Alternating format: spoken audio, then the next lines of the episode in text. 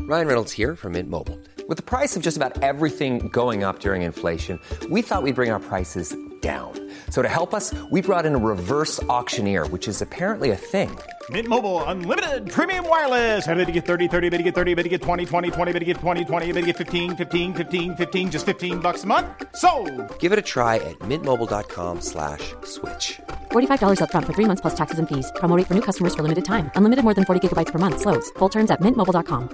Get up to 30% off wedding jewelry at BlueNile.com and remember the joy of your wedding day forever. Blue Nile offers everything from diamond and lab-grown diamond wedding bands to classic pearls, earrings you can design yourself, even gorgeous sapphire pieces for your something blue. Whatever you choose, Blue Nile's pieces are all graded for excellence for a lasting memento as brilliant as the love that inspired it. Right now, get up to 30% off at BlueNile.com. BlueNile.com. I'm Sandra, and I'm just the professional your small business was looking for. But you didn't hire me because you didn't use LinkedIn jobs. LinkedIn has professionals you can't find anywhere else, including those who aren't actively looking for a new job but might be open to the perfect role, like me. In a given month, over 70% of LinkedIn users don't visit other leading job sites. So if you're not looking on LinkedIn, you'll miss out on great candidates like Sandra. Start hiring professionals like a professional. Post your free job on linkedin.com/spoken slash spoken today. Tja Jonas, Tjena, välkommen tillbaka. tackar. Säsong 3. Yes, Spännande. väldigt. Eh, vi har längtat lite efter det här. Faktiskt. Eh, vi har ju, så, som sagt, vi kör igång säsong 3 av Medvind just nu. Eh, vi har haft två säsonger innan. Den första säsongen var, handlade om, eh, det var lite intervjuer med människor som var ute och reste. Och säsong två, då satt du och jag och spelade in, ja, vad var det, var det tio avsnitt? Ja, tio avsnitt om allt som har med poäng och resor och sånt att göra. precis. Och det var ju på en lite mer avancerad nivå. Eh, ja, exakt. Ja. Vi djupdök en del. Yes, Det var kul. absolut. Ehm, nu, ska vi, nu ska vi lansera en säsong som ska hålla på lite längre. ja, Och eh, den kommer ju vara ganska lik säsong två, ja, eller hur? yes. Men vi ska liksom eh, in i små detaljer och hålla på och, och gräva eh, i alla möjliga olika saker. Precis. Så om säsong två var väldigt strukturerad med liksom tio avsnitt sådär där man kanske kunde följa en röd tråd så är vi kanske nu lite mer, eh, lite mer ad hoc. Ja, exakt. Och eh, nu när vi lanserar säsong tre så händer ju någonting också som vi, som vi har jobbat på ett tag eh, som är spännande som heter Chatflights Plus. Det är, det är ju stort, eller hur? Väldigt. Ehm, då är det så att eh, eh, vi, vi kom, de, alla de här poddavsnitten kommer läggas upp på, eh, på ett speciellt sätt. Vi kommer att Jonas och jag kommer sitta och prata om eh, två stycken artiklar som Jonas har skrivit i veckan som har varit. Och de här två artiklarna finns publicerade online men eh, det är så att den ena artikeln eh, som idag handlar om hur det är att flyga business för första gången den finns tillgänglig för alla att läsa och kommer mejlas ut till alla eh, alla våra kunder, vem som helst. Men sen har vi då lanserat något som heter Chatflights Plus och då kommer vi att släppa en artikel varje vecka som är mycket mer ingående med mycket mer detaljer, en guide som ger alla eh, inblick i liksom exakt hur man ska boka till exempel bonusresor, hur man ska få tag på eh, betalda resor till rabattpris, hur man ska liksom utnyttja systemet för att boka hotell och få uppgraderingar och den typen av grej. Eh, Eller hur Jonas? Ja, exakt. Har jag missat någonting där? Nej, jag tror att du fick med det mesta. Det handlar liksom om att, att eh, hacka resor helt enkelt. Ja, Något som du har gjort i många, många år. absolut. Och då, du, du har ju länge längtat efter att liksom få ett forum där du kan verkligen dela med dig av alla hemligheter och alla detaljer som du sitter på. Ja, absolut. Och, och nu kan du göra det. Ja, Så i det här paketet eh, Chatflight Plus som, som då kostar 340 kronor i månaden så finns det eh, tre saker eh, som, som ingår. Det ena är att man då får tillgång till de här veckovisa artiklarna. Eh, idag, eh, den som vi släpper idag handlar om eh, Lufthansa First och Business Class, exakt hur man bokar det för Eurobonuspoäng, en, en stegvis guide i det. Eh, det är det ena. Och sen det andra är att man får tillgång till att chatta med dig Jonas. ja, Och då är det så att Jonas har ju fram tills idag chattat med alla våra kunder om allt möjligt men nu går Jonas över till en dedikerad kanal till alla som eh, har tecknat det här abonnemanget som får chatta direkt med Jonas och eh, om, om alla de här tricken om hur man gör och kan få då en personlig guidning i exakt hur man gör allting. Precis. Och din tanke är ju inte längre att boka saker åt folk utan snarare att vägleda folk i att göra det själva. Ja, exakt. Jag kommer ju vara lite av ett bollplank. Mm. Så om man har liksom idéer, man vill säkra ett SAS guldkort eller boka en viss resa och liksom bara vill resonera och validera sina egna tankar och idéer så kommer jag finnas tillgänglig. Och bara bolla fram och tillbaka. Ja, exakt. Och känner du då någon gång att ja, men, eh, den här personen som du har gett massa idéer kanske ändå behöver hjälp att boka någonting så har vi ju alla våra kollegor som kan hjälpa till med det också. Ja, exakt. Men, men då blir det emot en extra avgift. Precis. Men för de här 340 kronorna i månaden så får man då tillgång till de här artiklarna och sen så får man då chatta med dig precis när som helst. Ja, Och det gör man via Chatflies-appen. precis. Eh, sen en tredje sak är att vi kommer även ordna träffar. Vi kommer ordna träffar digitalt för alla ni som är medlemmar i det här eh, online där vi får eh, prata ihop oss allihop i grupp. Det kommer ske lite längre fram när vi har en kritisk massa. Och sen kommer vi ha en månad, eller förlåt en lunch varje månad på Astoria i Stockholm. Eh, där vi har tio platser och kommer bjuda på lunch och där vi ses allihopa och pratar resor. Det ska bli jättekul. Det kan bli riktigt skoj. Verkligen. Så ehm, in och titta på hemsidan. Det finns en, en rubrik där som heter Chatflights Plus. Ni kan gå in och läsa om allt det här och där kan man också teckna sig för det här abonnemanget. Och då är man, är man med. Eh, och nu i podden idag så ska ni få lite inblick i som jag sa då dels den här, eh, den här bloggen som är tillgänglig för alla. Vi ska prata om hur det är att flyga business för första gången. Ja, Eh, och sen ska vi också ge er en, en liten inblick i den här mycket längre och mer detaljerade artikeln som handlar om hur man bokar Lufthansa eh, business och first class för poäng. ja, Och då ger du bonuspoäng. exakt. Bra! Eh, då kör vi väl igång. Yes. Vi, vi börjar med att prata om hur det är att flyga business för första gången. Ja, Och då har vi lagt upp en liten struktur här där vi tar oss igenom egentligen hela upplevelsen från det att man kliver in på flygplatsen genom incheckning, fast track ut på planet, vad det är man får för mat, eh, hur eh, stolarna är, hur servicen är och allt det där. precis. Och sen hela vägen fram tills att man kommer, man landar så att säga. Ja, exakt. För även där händer det saker. Precis. Och, och vi kan ju börja med att prata lite grann om just det här med att flyga business. Det är ju något som väldigt få människor gör och har tillgång till. Ja just det. Så det är egentligen ett ganska stort privilegium att kunna flyga business. Mm. Och eh, det är något som många som flyger business ofta tar för givet. Att det är en väldigt liten del av jordens befolkning som får uppleva det här. Och det är ju speciellt på mm, när man flyger långt så är det ju en otrolig skillnad. Ja, exakt. Vi pratar ju nu om att flyga business utanför Europa. Precis.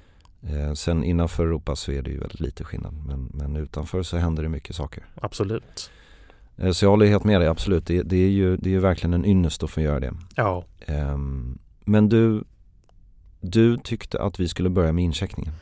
precis. Är, det- är det där vi börjar? Ja, Så berätta, vad, nu, nu är ju he- allt det här går ju ut på att förstå skillnaden mellan att flyga vanligt då och sen business class. Så, så för oss då som inte flyger business så här himla mycket, hur, eh, hur artar det sig när man börjar vid incheckningen? jo, men man kan tänka du kommer till flygplatsen och du letar upp din incheckningsdisk. Ja. Och eh, så kommer du fram och då har du ju två köer. Då har du ju ekonomikön som oftast är väldigt lång och den ringlar sig liksom genom hela terminalen. Ja. Och det har ju vi alla sett när vi varit på Arlanda. Mm. Och sen så går du lite längre fram och då ser du en till kö där det står business och där är det tomt. Ja. Och det är den kön som du får stå i. Just det. Så just det här med att köa på flygplatsen är ju något som många verkligen avskyr. Mm. Speciellt om man har barn och familj och barn som är otåliga och ja, det är kanske inte så kul att stå med dem i en kö i en timme.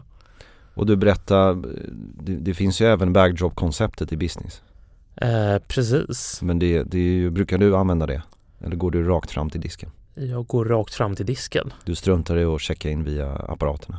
Ja, exakt. Mm. För, för att det går ju lika fort ändå. Ja, och sen även nu under, ja, under pandemin och efter pandemin så är det ju många länder som ändå kräver att man går till en disk för att verifiera dokument. Ja, just det. Så man får inte ut det här boardingkortet oavsett. Nej. Så Eh, att man måste ändå liksom genom det här Ja. administrativa. Precis.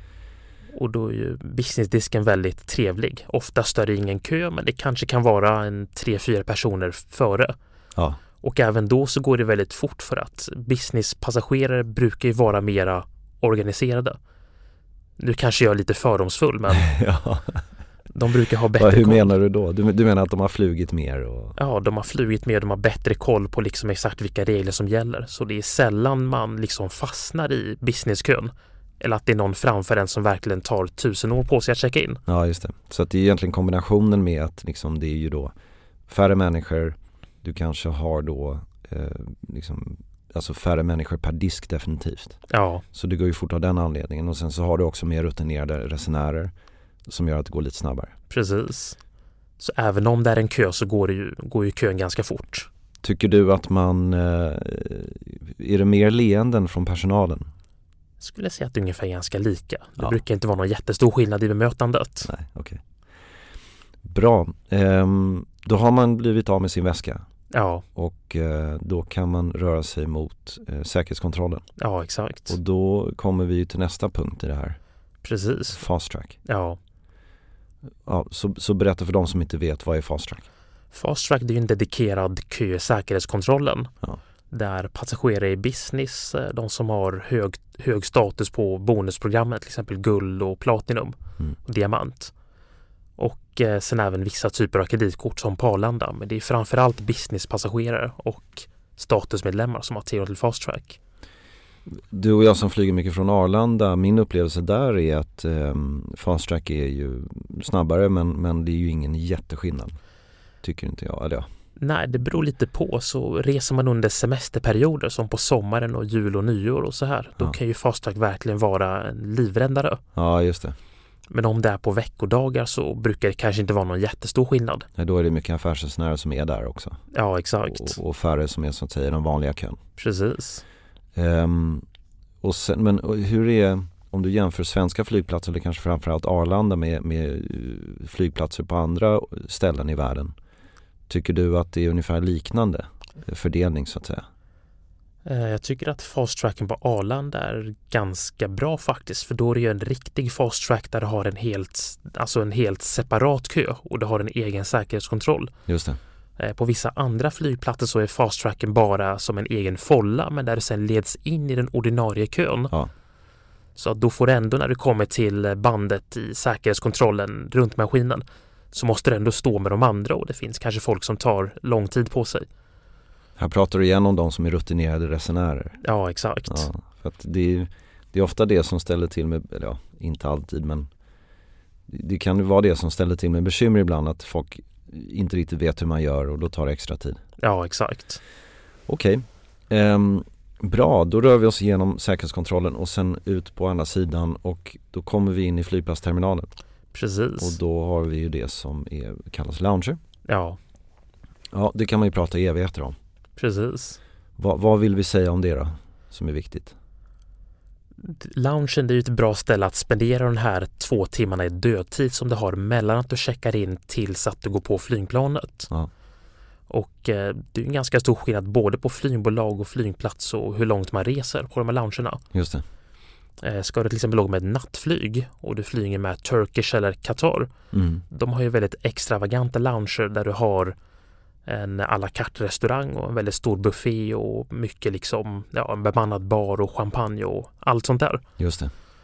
Och eh, åker du på ett nattflyg till exempel så finns det ju vissa då som vill eh, äta innan flygningen och sen vill de bara gå och lägga sig Mm. när de kommer ombord. Ja. Så loungen ger ju dig ganska mycket valmöjligheter på hur du vill s- lägga upp din flygresa. Om du vill maximera sömnen eller om du vill njuta så mycket det går. Och sen, ehm, men det, är- som du säger finns det väldigt varierande kvalitet här. Ja, Eh, Det beror på vilken flygplats du är på, vad, vad du flyger med och så vidare. precis. I- Ibland är ju lunchen kan jag uppleva bara väldigt tråkig, man vill inte ens vara där. Ja, exakt. Och då är det roligare att vara i terminalen. Precis. Men det är ju väl rätt sällan, det är ju ganska ofta som det är trevligt och sen är det ju också att mat och dryck ingår och allt sånt där. ja, exakt. Ekonomiskt kan det ju spela roll. Precis. Så Ja. man kan ju säga liksom en typisk business class lounge. Mm. Ehm, och business loungerna brukar ju normalt vara den lägsta nivån av lounger. Just det, Eh, Så där har du oftast en buffé med lite varmare och kallare rätter, oftast lite enklare mat, mm. eh, där du får plocka själv. Och sen har du även ett urval av dryck. Så det brukar oftast vara öl och vin och sen några spritsorter. Ja. Och ehm, champagne är väl ganska sällan i Europa som man har i loungerna men det är mycket vanligare i Asien och Mellanöstern. Mm. Sen finns det även eh, wifi såklart. Det finns ju på alla flygplatser nu. Ja. Men framförallt i loungen som på Istanbul till exempel, där är ju wifi, där måste man ju betala för det i terminalen Mm. utöver den gratistimmen och då har man ju det fritt i loungen. Och sen finns det även duschar som många människor uppskattar. Duschar, är, är det, skulle du säga att det är vanligt i business, business class lounger? Det är ganska vanligt så det är väl något som man normalt förväntar sig i en business lounge. Ja, just det. Och det är framförallt till exempel om du ska, låt säga att du har varit i Bangkok en hel dag och det är varmt och svettigt. Ja. Då är det väldigt skönt att kunna ta en dusch innan man sätter sig på flygplanet. Mm. Ja, det är bra. Och samma sak när du landar då och du ska byta och åka vidare. Ja. Då är det skönt att kunna duscha mellan flighterna. Så man är fräsch när man kommer till sin slutdestination. Det är bra. Okej, men vi rör oss vidare, kommer till då gaten där man ska in i, eh, kliva på flyget Ja, och då har vi priority boarding. precis. Så berätta om det. Precis, och när man flyger business då får du ju gå på planet först. Mm. Det har väl alla varit med om att eh, de ropar upp att ja, business class-passagerare och passagerare med barn får kliva på först. Ja. Sen hur den här priority boardingen struktureras, det skiljer ganska mycket mellan både flygbolag men även flygplatser. Mm. Eh, vissa flygplatser så kan du gå på planet direkt från loungen, vilket är ja, ganska just coolt. Det, precis. Eh, som till exempel Lufthansas lounge i Boston kunde man båda direkt från loungen. Men det är ganska sällsynt att eh, flygplatserna har det. Men då ska ju liksom ehm, planet stå där loungen är. Ja, exakt. Och det är ju klart att, eh, ja då har ju Lufthansa ordnat det så att de alltid får samma plats. Ja, exakt. Ja, okej. Och Ja, det även- måste ju vara ovanligt. Precis, det är ganska ovanligt. Och sen även vissa flygplatser så har man en egen gate för eh, business. Som till exempel Washington Dulles har det. Mhm. Och även Paris eh, terminal 1. Okej, Så de flygplatserna är ju lite udda konstruerade. en egen gate för business. Ja, Okej, så att det går liksom en sån här, vad är det de kallas, de här tunnlarna som går ut ur planet? ja en sån där jetbrygga. Ja, exakt. Precis. De har en egen sån då. Ja, och den går ju då ut till den här stora jetbryggan och flyger man first och business så brukar man ibland ha en egen brygga som går till den främre dörren. Ja, just det. Och sen har de en annan brygga till den andra dörren. Ja, exakt. Mm, ja, intressant. Så det är ganska coolt. Har du varit med om det här? Ja, Washington var det för några månader sedan. Ja, okej. Det var ganska kul. Det handlar om att skapa exklusivitet liksom. Ja, exakt. Ja, men det vanliga är då att man kliver på innan alla andra och sen så får man liksom, det- det känns som man inte, inte trängs så mycket då. Ja, så oftast är det en egen kö som är liksom, ja, det är en folla där business kan gå in. Ja. Och eh, det som skiljer sig mycket det är också hur stor businesskabinen är. Mm. Så jag vet att på SAS så är ju, är ju kabinen består av 32 till 40 platser beroende på flygplanstyp. Just det. Men åker man med till exempel Lufthansa, de har 80 platser i business på sin 747, Mm. då är den här boardingen inte lika exklusiv. Nej, just det, exakt. Och sen så får ju även de som har guldkort stå i den här businesskön. Så det som kan hända ibland är att halva planet har priority, Ja. vilket är trist. ja, ja, då känns det inte lika speciellt. Nej, exakt. Nej exakt. Ja, Det, jag tycker man läser om det ibland på forum. Då är det vissa som har de här kanske diamantmedlemskap och tycker att varför har jag det här nu då när alla ska kliva på samtidigt ändå. Ja, exakt. Ja, okej. ja men det vanligaste är att det känns lite exklusivt. Ja. Och sen är ju vissa flygbolag som låter business bo- strikt båda först, som Singapore Airlines. Ja, Så det är ganska intressant. ja, ja okej så då, då struntar de i ehm, om du har status. Ja, så om du har status så får du båda med Premium Economy Okej, och sen får du ekonomi båda. Så då får alltså först First, sen Business, sen Premium Economy och de här guldkorten och sen får alla andra gå på. ja okej. Ja ja, Ja, det låter som, var det Singapore sa du? Ja, Typiskt dem. precis. Mm. Du, eh, sen kliver vi på. Och Precis. då har vi, eh, vi ska prata lite om stolen och, och sådär och sen också maten och, Men det var först stolen Ja, exakt. och kabinen Så, ja, så man kan ju lite grann beskriva känslan av att gå på när man flyger business. Då gör man ju ibland en vänstersväng beroende på vilket flygplan man åker med. Ja exakt, Så då brukar ju business vara i den främre delen mellan dörr 1 och 2. Ja. Och eh, om man inte har flugit business tidigare så då slås man ju liksom över hur rymlig kabinen är. mm, det är mycket luft Ja, det är mycket luft och stolarna är breda och det finns plats i hatthyllan. Så Mm. du behöver aldrig liksom tänka på att ja, mitt handbagage inte kommer få plats. Så det, det får alltid plats. och det är liksom tyst på något sätt det, Eller det är fridfullt Ja, lite tycker jag. Ja, Jag Hyfs- tycker att när man, alltså det- det som händer speciellt på långflyg, de här enorma economy-kabinerna så är det ju ganska hetsigt och folk försöker ta plats, alltså det är, man, man ska få sin plats i overhead cabin och folk står lite i vägen och lite sådana här saker. ja, Här har man ju verkligen plats och, och, och lugn och ro liksom. precis. Och det går väldigt fort Ja. innan alla har satt sig. Ja, precis. Så i Economy så är det alltid att folk står upp och någon ska gräva i hyllan och man måste flytta på sig. Ja. Och i business där har ju även alla har ju tillgång till eh, mittgången. Just det.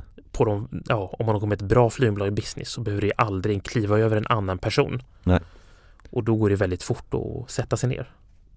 Och sen har man då de här stolarna som är framförallt i t- två olika, ko- liksom, man brukar säga konfigurationer. Ja, Eller det finns ju fler, men, men det finns ju de här stolarna som är där man har skärmar och sånt som skiljer av dem från varandra och sen så finns det de andra stolarna som är lite mer old school. precis. Berätta om det då. Precis, så just när det kommer till själva, st- självaste stolen så är ju standarden idag att alla passagerare ska ha direct aisle access. Så att du ska alltså inte behöva sitta bredvid någon om inte du vill sitta bredvid någon. Och du ska inte behöva kliva över en pas- person som sover. Just det. Eh, Så det är 121 som då är standarden idag. Eh, Det är inte alla flygbolag som har det. Jag vet att Lufthansa och Turkish är de enda två som inte har det på en ganska stor del av flottan. Mm. Men kollar man på SAS till exempel eller Singapore eller Qatar så har du ju alltid direkt, till, direkt tillgång till mittgången. Och, det, och det hänger ihop med att ehm, då är ju din stol ofta, eh, alltså när du har det här direct aisle access som du pratar om, då har man en, nästan en egen liten kabin. Precis. Det är liksom en eget, ett eget litet krypin. Ja, exakt. Men de är ju ofta byggda på det sättet att, de, att, att fötterna går in i en slags eh, kanal. Lite Pre- som en kanot, Ja, eller hur? ja, så det är som en liten låda när man stoppar in fötterna och benen. Precis.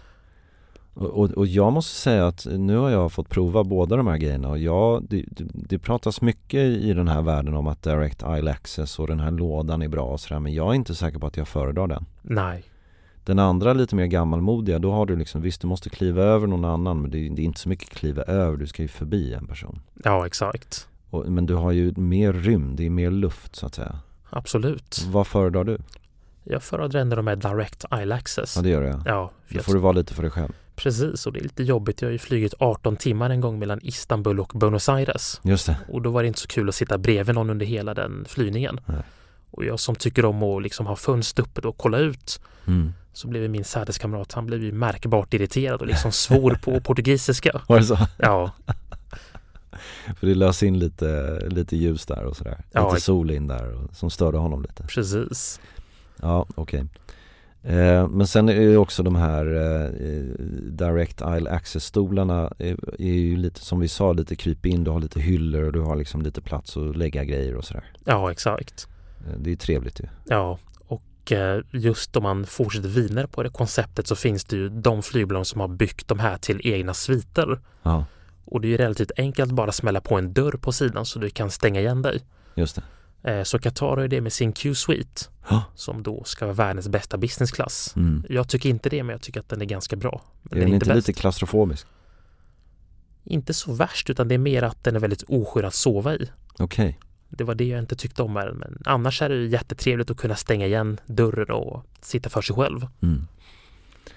Ja, intressant. Vi ska snabba på lite här för vi har också lite mer att prata om. Men sen har vi då maten och servicen. Ja, Och, och liksom det är ju en helt annan grej.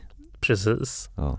Ehm, Berätta kort bara. ja, så när man flyger i business, du får ett glas champagne när du sätter dig ner. Ja, Och det är ju något som verkligen sätter guldkant på upplevelsen tycker jag. ja exakt. Och jag vet att många flygbolag har ju börjat avskaffa det här med pre-departure drink. Mm. Och det har folk klagat på för att det är en sån viktig del av upplevelsen att få det här champagneglaset, tycker jag. Ja, det känns som liksom nu, nu startar det. Ja, Nu, nu börjar upplevelsen liksom. ja exakt. Mm. Och jag vet att SAS under en period experimenterade med att servera juice istället och då blir ju folk helt skogstokiga. Så de vill verkligen ha sin champagne. Ehm, ja, jag brukar inte dricka champagne men, men eh, nu har inte jag flugit det så himla mycket men, men jag, jag vet inte. Det är, men det är, jag förstår att det är en grej. Ja, så det blir väl en annan typ av lyckkänsla när man sitter i ekonomi. Exakt. Och eh, sen i business är ju servicen, det är ju mera som en restaurang Ja. kan man säga. Ja, Du får ju, du, du får ju liksom i princip en de- dedikerad kypare känns det som. Ja, exakt. Som liksom dukar upp ditt bord och, och frågar om allt är bra och allt sådär. Precis. Eh, Så i ekonomi, där får du ju maten på en bricka och det, sen kommer det dryck och sen är det slut. Mm. I business är det ju en lite mera elaborate servering. Ja. Eh, Så att planet lyfter och ungefär en halvtimme in i flygningen så lägger de ut bordsdukarna. Och då får man oftast en kanapé eller lite nötter och Ja. sen ett glas champagne. Ja. Och sen har man en förrätt, oftast två val, sallad och sen varmrätt. ja, för du får ju en meny där du får liksom välja mellan lite olika saker. Ja, exakt. Mm. Och sen är det ju vissa flygbolag som tar det här restaurangkänslan till, ett högre, till en högre nivå än andra. Ja, Eh, Så vissa flygbolag lägger upp maten i galley så att du får maten upplagd på en tallrik precis som det vore på en restaurang. just det. Medan andra har ju maten redan i sådana här färdiga formar som de bara värmer upp. Mm. Och det vet jag att SAS gör. Det är ju rätt stor skillnad. Ja, Men SAS, var, SAS hade ju inte så förut. eh, de har alltid haft så. Har de det? Ja, Men hur var det nu när jag reste med dem en gång så hade de, kom de ut med en vagn och sådär. Men det var ju, precis. Så där värmer de upp alla varmrätterna och sen så har de på en vagn. Så där Ja. kan du se maten innan du väljer. ja det var så det var, ja, just det. Vilket också är ganska bra för att ibland vet man inte hur maten kommer se ut. Just det. Och då ser man något med menyn som verkar gott men sen när du får och ser det jätteäckligt ut. Och sen ser man den andra maträtten som ser mycket godare ut. Ja, ja okej, bra. Ehm, sen bara lite kort om övriga bekvämligheter som du har listat. Precis. Um, Ehm, Amenity kits och sånt där. Ja exakt, så man får ju en necessär när man flyger business. Ja. Och det är ju sånt där amenity kit. Och ofta så brukar den innehålla en tandborste, strumpor, öronproppar och sådana här ögonmask. Just det. Ehm, många, de som flyger business ofta, brukar ju bara lämna dem ombord. Mm, Jag brukar lämna dem för jag har så många hemma. mm. Men om man inte har flugit business så kan det vara kul att spara den som en liten souvenir. Man får ta med den. Ja, man får ta med den. Mm. Eh, sen vissa flygbolag delar även ut eh, pyjamas, vilket är ganska trevligt. Just det. Och det är något som man normalt bara får i first, men i, på bra flygbolag så får man det även i business. Och då säger de, de, de, jag minns någon gång att de sa så här, vill du gå och byta om så kan jag fixa din säng och så då kanske man går in i det här lite större badrummet Ja, exakt. och, och så byter man om eh, till pyjamasen och när man kommer tillbaka så har de bäddat sängen. Ja, exakt. Mm. Och just väl på temat säng så är det ju också något som många flygbolag erbjuder, så de erbjuder ju riktiga bäddset i business. Just det.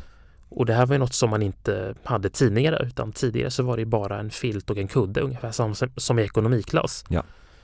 Eh, Men nu på senare tid i och med att flygbolag börjar konkurrera med varandra på de mjuka aspekten Mm. så vill man ju då försöka differentiera sig mot sina konkurrenter. Just det. Och då har ju flygbolagen börjat med de här bäddsätten så att du får som en liten madrass som du lägger på stolen Ja. och sen får du en fluffig kudde och ett ordentligt täcke. Mm. Och eh, på vissa flygbolag så får du bädda sängen själv som på SAS medan andra som Qatar där kommer flygvärdinnan och bädda sängen åt dig. Just det. Så det blir som en riktig turn down service som man kan få på ett bättre hotell. Det är bra. Trevligt. Ja, Ehm, vi tar bara någon minut. Ankomst är ju bara en liten grej, det är att man får kliva av först i princip. ja Men sen där, där tar ju upplevelsen slut. precis. Ehm, och sen ville du bara säga någonting om liksom slutsatsen med det här är ju egentligen bara att business class blir ju en del av upplevelsen kan man säga. Ja. Eh, Så vi bokar ju många på, de här poäng, på poäng i business. Ja, Och eh, de här poängplatserna är väldigt begränsade i tillgänglighet. Så det innebär att det är inte alltid du kommer hitta den kortaste resan. mm. Till exempel en mellanlandning eller med smidigaste tiderna. Och eh, för många kunder så vill man ju göra den här trade-offen att visst, jag vill ha den här businessupplevelsen. Då kan jag tänka mig att åka en längre väg med kanske lite fler mellanlandningar. Och då får man ju även uppleva loungerna och allt sånt där. just det. Så flygresan blir ju mer av en upplevelse än en ren transport. Ja. Ja, och det, det förstår man ju att då, då kanske man vill ta lite omvägar för, för att kunna lösa det. Ja, exakt. Men det är ju klart, det är ju Och det är, ju- det är ju högst personligt liksom om man tycker att det är Ja. kul att flyga och spendera tid på flygplatser. Ja, Nej, Eller det, vad- det får man ju fundera på. Ja, Jag hade ju en resa till, eh, och på kort tid åkte jag både till Mexiko och till eh, Karibien här eh, ganska nyligen. Och till Karibien åkte jag Economy. Och det var en väldigt smidig resa med KLM via Amsterdam. Och eh, till Mexiko åkte jag en ganska osmidig resa men jag åkte business class och det var då via Lufthansa, eller förlåt mig, via Istanbul och Cancun. Eller Mexico City. Och ehm, den andra resan var bra mycket längre eh, och mer omständig. Och jag tänkte nog att jag faktiskt föredrog Economy i just det fallet för den var så himla lång. Men det var ganska, ganska nära mellan Ja. de båda. Ja, Så man får ju fundera själv på vad man tycker. ja absolut. Bra. Då, då ska vi gå vidare som vi sa i början på det här så ska vi prata lite grann om det om den här artikeln som Jonas har skrivit som är längre och mer detaljerad som handlar om hur man bokar Lufthansa First och Business Class för Eurobonuspoäng. Precis. Och den har du lagt mycket tid och kraft på och eh, i, i, i skriven form så innehåller ju den eh, väldigt mycket detaljer eh, och instruktioner på hur man ska göra. Precis. Nu ska vi ta den i en liten kortare variant och eh, inte avslöja allting utan eh, det här är ju till för människor som, som är med i, i Chatflights Plus. Eh, men vi ska ge lite indikationer på hur man gör. Eh, och sen säga det att går ni med så kan ni ju chatta med Jonas om, om det här. Eh, men vi tänkte, vi börjar med att prata om business, eller hur? Ja, Så det här handlar alltså om hur man bokar Lufthansa Business och First Class för Eurobonuspoäng och när vi tittar på business så ska vi börja med att titta på när resorna släpps. För det är ju en väldigt viktig del för när man kan hitta dem, eller hur? precis. Så berätta om det då. Eh, Så Lufthansa släpper ju sina bonusplatser 360 dagar i förväg, det vill Mm. säga före flygets avgång. Ja. Och eh, i ekonomi på både short och long haul samt business inom Europa så släpps ju platserna vid det här 360 dagars släppet. Ja. Och det är inte så konstigt. Mm. Där det däremot blir svårt, det blir när man kollar på business på long haul. Okej, och det är det man vill ha så att säga. Ja, exakt. Mm. Så man kan säga att inofficiellt så brukar Lufthansa släppa platserna ungefär 180 dagar i förväg. Okej, generellt. Och eh, då blir det om man söker som vanligt, det vill säga från Stockholm till Los Angeles eller Mexico City eller New York. mm. Eh, Söker man på det sättet så, så släpps ju platserna som tidigast 180 dagar. ja, Om inte det är någon specialrutt, till exempel Detroit under lågsäsong eller Dubai under lågsäsong, då kan man hitta längre fram. okej. Du menar längre, alltså mer än 180 dagar Ja, i, för, i förväg? precis. Mm. Eh, Tyvärr så är Lufthansa väldigt restriktiva med att släppa bonusplatser. Just det, Eh, Så även om de inofficiellt säger att de ska släppas 180 dagar så är det ju nästan aldrig de gör det. men du säger att de säger inofficiellt, vad betyder det? Är det någonting som, som alltså det är inte officiellt? Nej, utan det är inofficiellt. Och det, det är bara någonting som man har liksom så att säga förstått sig fram till. Ja, exakt. Okej, Så före pandemin kunde man hitta till New York vid liksom det här sex månaders släppet. just det. Men nu inom, i praktiken så är det ju väldigt sällan som man hittar Ja. överhuvudtaget från Skandinavien. Men när man ska hitta platserna så handlar det mycket om timing. Att Precis. man vet när det sker så att säga. Ja, exakt. Ja, ja intressant. Ja, okej, så, det, det, så släppen är ju viktiga. Precis. Och, och då menar du att i liksom det, det här inofficiella 180 dagars fönstret, den, den är ju viktig. Men sen så känner du också till vissa destinationer där de släpper dem tidigare än så. Ja, Och då gäller det att ha koll på dem. precis. Ja, intressant. Okej, eh, Och det sen- var det ena. Ja, berätta. Du skulle Ja. säga mer. Och sen har vi ju First såklart. Som, Just det. och eh, de släpps ju då inofficiellt, inofficiellt 14 dagar före flygets avgång. Mm. Men i praktiken så är det ju, ja, nu efter pandemin så är det tidigast åtta dagar. Just det. Jag tänkte att vi ska återkomma till First lite senare så jag tänkte vi, om vi bara river av eh, business class så, så att folk har koll på det så kan vi hoppa. First finns det lite mer att säga om, Ja, exakt. eller hur? Ja, Ja men det är bra, så vi har, vi har fixat de här deadlines och sen, men sen handlar det, finns det en klurighet här för att Lufthansa släpper ju då eh, ett antal platser till Eurobonus men du sa någonting om att eh, de släpper inte så många eller eh, de gör det lite svårt för oss skandinaver. precis. Va, vadå då? Berätta om det. Eh, Så att Lufthansa anpassar ju tillgången av bonusplatser baserat på vilken marknad du börjar resan ifrån. Du börjar resan ifrån. Ja, Ja. så det är många på de här bloggarna och forumen som säger att du ska söka från Frankfurt till bla bla bla. Just det. Men där får du nästan inga träffar. Mhm. Så söker du bara från Frankfurt så är det ju väldigt sällan som man hittar några platser. Ja. Och söker man från Stockholm så är det också väldigt sällan man hittar platser. Mm. För där har de vadå? De tycker att det bokas för mycket eller? Ja, exakt. Så att flygbolagens revenue management system, de baserar ju sin inventory på historisk försäljningsdata. Så att Mm, nu frå- sa du någonting väldigt invecklat här men i princip sa du att systemen, hur mycket platser de släpper baseras på den data som liksom, ja ja, det som de har sålt historiskt. exakt, just det. Och just från Skandinavien så bokas det mycket bonusresor i förhållande till befolkningen. Ja, Det är ju väldigt liten befolkning men som sitter på väldigt mycket poäng. just det. Eh, och då har ju flygbolagen både Lufthansa och även Turkish och många andra valt att inte släppa Mm, lika mycket platser med utgångspunkt från Skandinavien. just det. För att de vill ju då kunna sälja de här för pengar istället. Och Eh. det har gjort att det är ganska svårt då att hitta de här platserna från Stockholm och Köpenhamn eh, bort. Ja, exakt.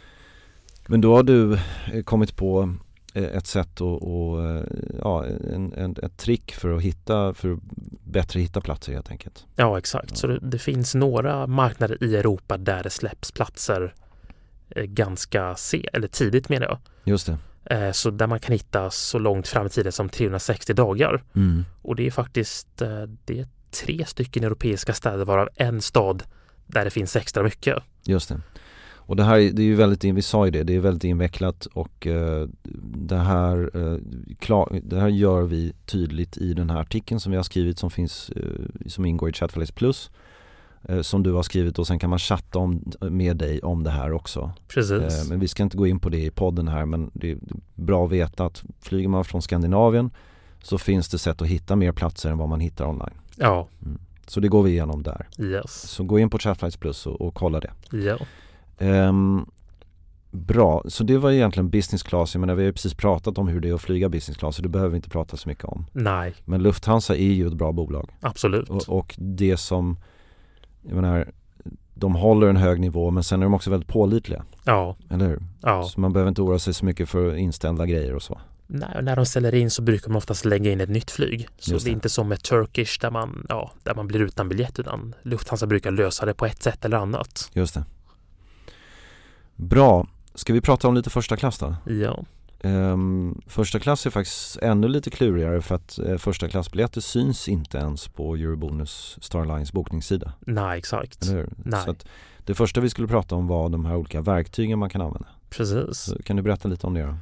Eh, Så det finns ju tre stycken sökmotorer som de flesta använder sig utav, entusiaster och, Mm. och så. Eh, Det finns ett som heter Awardfares och det är då en tredjepartstjänst som använder eh, flygbolagens, det blir alltså Air Canada, United och LifeMiles sökmotorer som datakälla. Okej, Och eh, Awardfares visar ju då en väldigt bra översikt över vilka platser som finns tillgängliga. mm. Och man kan se på liksom en ja, månadsvy eller över kommande två veckor. Ja. Så kan man se exakt hur många platser som finns och på vilka flighter. just det. Eh, nackdelen med Awardfares är att den är inte helt uppdaterad. Så, Så. det finns vissa mm, platser som inte syns. Ja, Mm. så man kanske hittar något där och sen ringer man SAS och då finns inte platserna. Ja. Eh, så det jag brukar göra det är att jag då går in på både Uniteds och eh, Air Canadas sökmotorer bara Mm. för att verifiera. Ja. Eh, så vi kan ta Air Canada som exempel som är ganska bra. Ehm, de har ju tillgång till all tillgänglighet som Lufthansa släpper till Star Alliance. Just det, Så de har inga begränsningar och det är liksom inga blockeringar på tillgången utan Air Canada visar allt som ja, Lufthansa släpper. just det. Eh, när det kom till Eurobonus så hade ju SAS under en lång period försämrat tillgång på First med Lufthansa. Mm. Så även om du hittade platser på Air Canada och United så, så kunde de här inte synas hos SAS. Ja. Eh, nu har jag faktiskt märkt att det stämmer ganska bra överens med vad man kan hitta på Air Canada. På Air Canada. Okej. Så att den här begränsningen har ju då i princip försvunnit, Mhm. vilket är väldigt positivt. Men det går ju lite upp och ner. Ja, så jag skulle säga att det stämmer väl kanske till 90, 80-90 procent. Så det är rätt bra att ha liksom tillgång till dig om det är så att man är inne och söker så blir man ju rätt osäker så kan man ju liksom chatta med dig lite grann och ställa lite frågor. Ja, exakt. Ja det är bra, det rekommenderar jag. Precis. Ja okej, så det var de här verktygen som, eh, så, liksom, undrar ni mer om det så får ni, får ni chatta med oss om det. Ehm, men sen är ju frågan då när, så det- en annan grej är det som vi var inne på innan, när platserna släpps och det är officiellt 14 dagar. Precis. Officiellt slash inofficiellt 14 dagar. Ehm, men nu efter pandemin så är inte det fallet längre. Eh, Utan det är mycket närmare inpå va? Ja, och det beror delvis på att efterfrågan på First är så stor fortfarande. Just det, Eh, så Lufthansa har tagit bort First på många rutter. de har pensionerat många flygplan som hade First. Mm. Men de få rutter som har First är marknader som är väldigt lönsamma och där det finns en stor efterfrågan. Just det. Okej, bra. Ehm, sen då så finns ju det här, det finns ju ett eh, klassiskt misstag som man ska undvika. eh, Att, eh, det var, att man bokar business och hoppas att First ska dyka upp. Ja, Det ska man låta bli. det ska man absolut låta bli. Berätta. Om, ja, så, så om man då vill resa endast i syfte att uppleva Lufthansa First Mm. eh, så ska man inte boka business på ett flyg och sen hoppas på att det släpps platser. Just det. Eh, nu har jag haft oturen att tre gånger råkat ut för att de inte har släppt First. Ja. Men då bokades de resorna inte för att flyga Lufthansa First utan för att jag behövde åka på de datumen och då... Ja, Ja, rå- då, då är det okej. ja Men om, om det handlar om att bara uppleva Lufthansa First, precis. då kan man ju inte räkna med att det dyker upp. Nej, exakt. Nej. Och eh, just det här med vilka flighter och vilka stolar de släpper som bonusplatser, då har ju de lite av en eh, prioriteringslista. Just det. Eh, Så att på Lufthansa så har de ett eget bonusprogram som heter Miles and More. Mm. Och eh, då har de ju två stycken statusnivåer som är ganska höga. Så det är Hon Circle som är deras högsta nivå och sen har man Senator som är nivån lägre. Ja. Och Senator motsvarar väl ungefär SAS Diamant skulle jag säga. Just det. Eh, De får ju sådana fria uppgraderingar som heter e-vouchers Mm. där du i förväg kan bekräfta en uppgradering från business till first eller från economy till eh, business. Och där ryker mycket av platserna. Ja, så att bekräfta dem är ganska svårt och det många gör att de väntelistar uppgraderingar. Mhm. Så det som då händer vid det här 14-dagarsfönstret är att de här väntelistade uppgraderingarna går igenom. Okej. Så låt säga att eh, man bokar sin eh, business class-biljett för poäng Mm. och sen kollar man på eh, Lufthansa hemsida Expoflyer och ser att First är helt tomt. Ja. Och sen eh, åtta dagar innan så är kabinen helt full. Mm, just det. Det är just för att de här väntelistade uppgraderingar går igenom. Ja. Och eh, sen så låter ju även Lufthansa folk uppgradera för pengar. Mm. Så du kan ju buda på en uppgradering från business till first. Och alla de här grejerna går före eurobonus. Ja, exakt. Ja, just Så, så det är när alla de här, när de då har uppgraderat alla senatormedlemmar, när alla som vill betala för en uppgradering har fått sin uppgradering, Mm, det är då de släpper de sista platserna som bonusplatser. just det. Och det brukar ske som tidigast 7 till 8 dagar. Okej. Men vanligtvis så brukar det här ske ungefär 2 till 3 dagar eller till och med på avgångsdagen. Ja, intressant. Du, ehm, vi har pratat länge nu så jag tänkte att vi, eh, vi, vi bara avslutar nu genom att prata lite om eh, ganska viktiga grejer och det är ju destinationer. Ja, Så kan du dra igenom snabbt då, eh, det finns ju svåra, medelsvåra och lätta destinationer att boka Lufthansa First. Så Precis. vad, vad är listan då? eh, så vi kan ju ta de svåra destinationerna och det är de lönsammaste marknaderna. Just det, Och här har vi Los Angeles, eh, Singapore, Tokyo och eh, även Sao Paulo och Johannesburg. väldigt svårt. Ja, så de här rutterna är ju svårt, om inte omöjligt. Ja. I alla fall på Singapore och Los Angeles så är det ju nästan omöjligt. Mm, Och det är ju för att det finns folk som faktiskt betalar för First på de här flighterna. just det. Sen har vi de lite mer medelsvåra Mm, och eh, dit har bland annat New York, eh, Houston, skulle säga Mexico City. Ja. Eh, där kan man hitta First men det är inte jättelätt. okej. Och sen har vi de lätta och de lätta destinationerna det är alltså stora hubbar med mycket transitpassagerare. Mhm, Eh, så det är bland annat ehm, Washington, eh, Chicago Ja. och även Boston. Ja. Och dit flyger ju folk eh, bara för att ansluta vidare. just det. Och anledningen till varför de är lätta är för att det går så många flyg där så det finns ju mer kapacitet på de här stora trunk routes som det kallas för. Just det. Och när det finns mer kapacitet så är ju sannolikheten större att det finns lediga platser. Men det är kanske inte de mest eh, spännande destinationerna. Nej, exakt. Och det är ju framförallt även flygtiden. Så om man vill maximera sin upplevelse så vill man ju ha en så lång resa som möjligt. Ja, just det. Och eh, till Washington så är det ju åtta timmar, vilket Mm. kanske inte är jättelångt, men det är lagom. Jag har alltid velat se Washington i och för sig. Ja, det är ju en jättetrevlig stad. Mm. Och sen kan jag även s- slutligen säga att de har ju First både från Frankfurt och München. Och eh, generellt så har ju München ofta bättre tillgänglighet.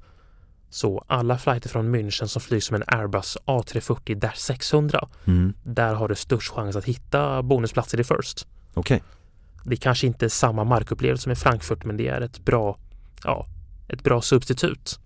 ja men bra. Okej, ja men eh, super, vad bra att vi fick den här genomgången och ehm, som sagt Chatflights Plus, det står om det på vår hemsida chatflights.se. Gå in och kolla där och eh, hoppas ni vill ansluta er så att ni vi kan hjälpa er till att boka sådana här fantastiska upplevelser själva. Ja, Eh, allting står där och eh, vi, eh, vi hörs igen om en vecka. det gör vi. Ha det bra Jonas. Detsamma. Hej. Ciao. Hi, this is Paige from Giggly Squad, and I want to talk to you about Splash Refresher and my water intake. Okay, so you guys obviously know that I'm a hydrated girly, but sometimes when you drink that much water, it starts to just taste bland, and you're just like, I need something to spice it up. That's why I love Splash Refresher.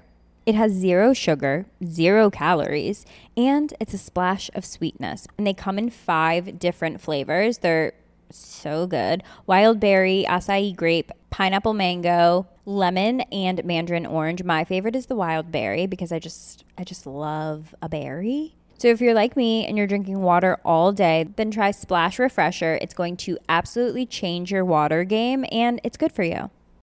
When you need mealtime inspiration, it's worth shopping Kroger, where you'll find over 30,000 mouthwatering choices that excite your inner foodie. And no matter what tasty choice you make, you'll enjoy our everyday low prices, plus extra ways to save, like digital coupons worth over $600 each week. You can also save up to $1 off per gallon at the pump with fuel points. More savings and more inspiring flavors make shopping Kroger worth it every time. Kroger, fresh for everyone. Fuel restrictions apply. ACAST powers the world's best podcasts. Here's a show that we recommend.